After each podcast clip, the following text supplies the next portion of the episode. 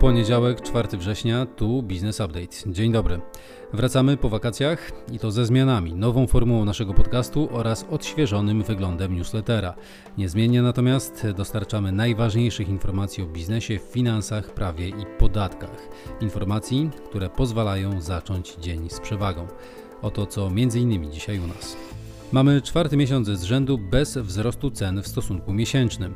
Według mediów prezes PGE ma zostać odwołany. Powód? Zbyt zielona strategia. KNF i resort finansów uspokajają, że nowe regulacje dotyczące alternatywnych spółek inwestycyjnych nie będą obejmowały podmiotów notowanych. A zaczynamy tradycyjnie od podsumowania rynków. W piątek, 1 września, WIG20 wzrósł o 1,16% do 2050 punktów. Obroty na GPW wyniosły 877 milionów złotych. Najmocniej wśród blue chipów wzrósł kurs akcji KGHM, to o 3,33% do 117 zł 90 groszy. Na szerokim rynku na uwagę zasługuje wzrost kursu akcji spółki Patentus. To firma dostarczająca maszyny górnicze, a cena jej akcji wzrosła aż o 41% do 4,60 zł. To reakcja na opublikowane wyniki finansowe firmy.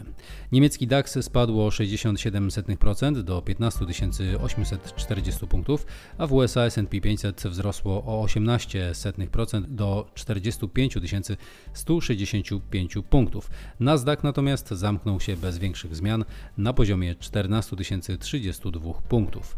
W piątek wieczorem wyraźnie umacniał się dolar. Jego cena wyniosła 4 zł 15 groszy. Euro nieco spada do 4,47. Także wyraźnie rośnie cena ropy do 89 dolarów za baryłkę Brent. Gospodarka i makroekonomia.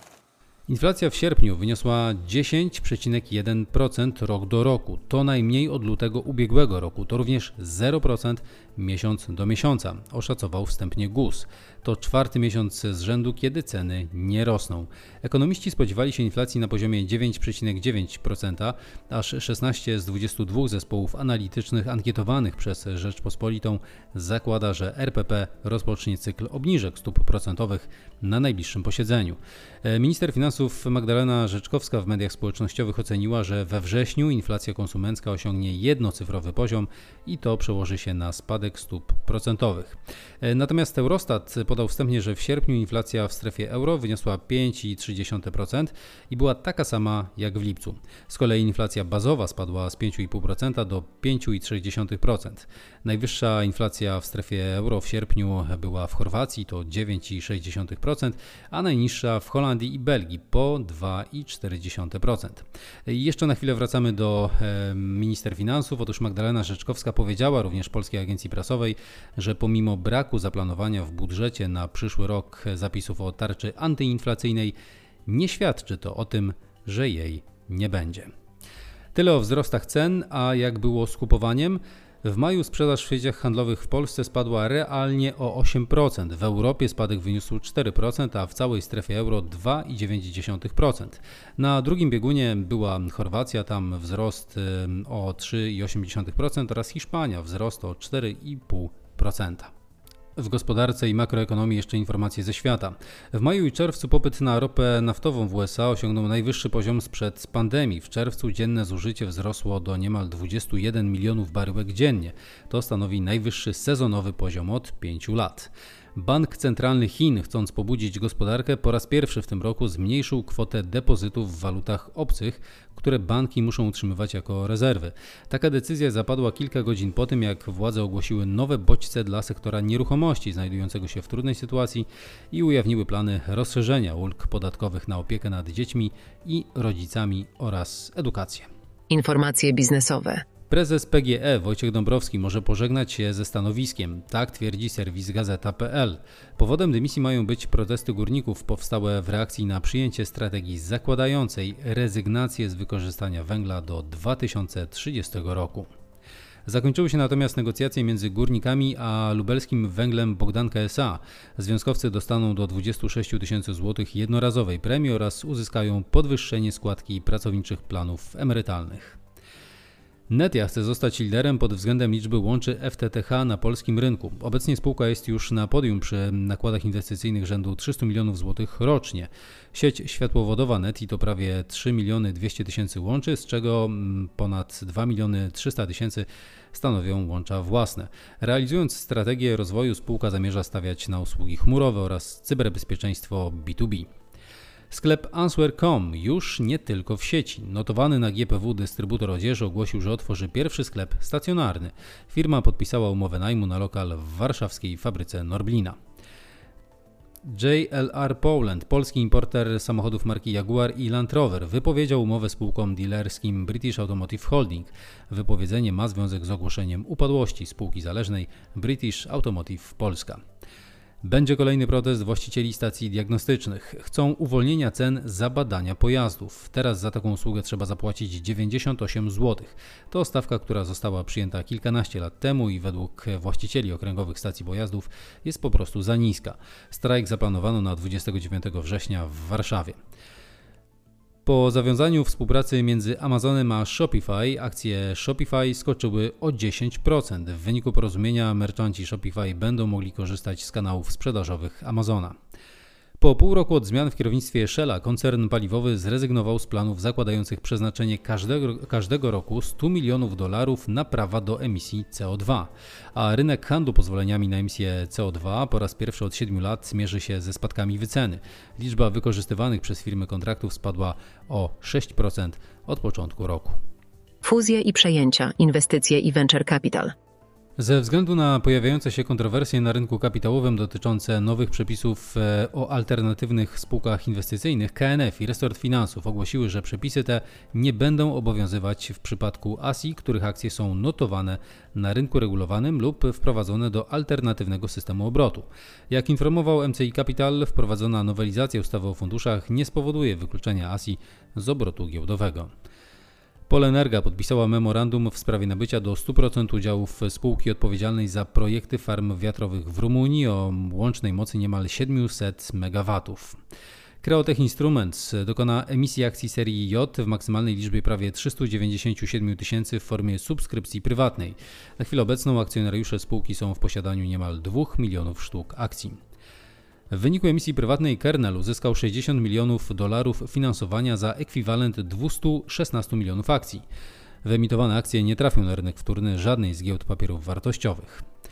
Fundusze Forum DFI sprzedały wszystkie dotychczasowe posiadane akcje VRG. To prawie 17 milionów sztuk. Największe fundusze inwestycyjne jak BlackRock czy Vanguard zmniejszają swoją ekspozycję na działania związane z rozwojem strategii ESG. Kylie Jenner chce odkupić warte 600 milionów dolarów udziały w brandowanej jej wizerunkiem spółce Kylie Cosmetics. Celebrytka nie zgadza się ze sposobem, w jaki jest zarządzana ta firma. Prawo i podatki. Wojewódzki Sąd Administracyjny w Warszawie zawiesił rozpoznanie sprawy dotyczącej skarg na decyzję środowiskową dla kopalni Turów. Decyzja Generalnej Dyrekcji Ochrony Środowiska z września 2022 roku była podstawą do przedłużenia koncesji na wydobycie do 2044 roku. To zawieszenie spowodowane jest przesłankami formalnymi, ponieważ trwa postępowanie z wniosku PGE GIEK SA w sprawie zmiany tej decyzji środowiskowej. Elektronicznego dowodu w aplikacji M-Obywatel będzie można użyć także w bankach. Od piątku 1 września banki mają już obowiązek uznawania takiego sposobu weryfikacji tożsamości. Kierowcy mogą już skorzystać z kursów reedukacyjnych w celu redukcji 6 punktów karnych raz na 6 miesięcy. Kursy będą odbywać się wyłącznie stacjonarnie i składać z części teoretycznej oraz praktycznej. Rząd wprowadził zwolnienie z podatku od czynności cywilnoprawnych dla transakcji nabycia pierwszego mieszkania na rynku wtórnym. Dotyczy to tylko osób, które nie są właścicielami żadnego mieszkania lub domu. Wyjątek stanowią osoby, które mają udział w prawie własności wynikający z dziedziczenia, ale udział ten musi być niższy niż 50%. Rząd planuje uregulować umowę franczyzy w kodeksie cywilnym.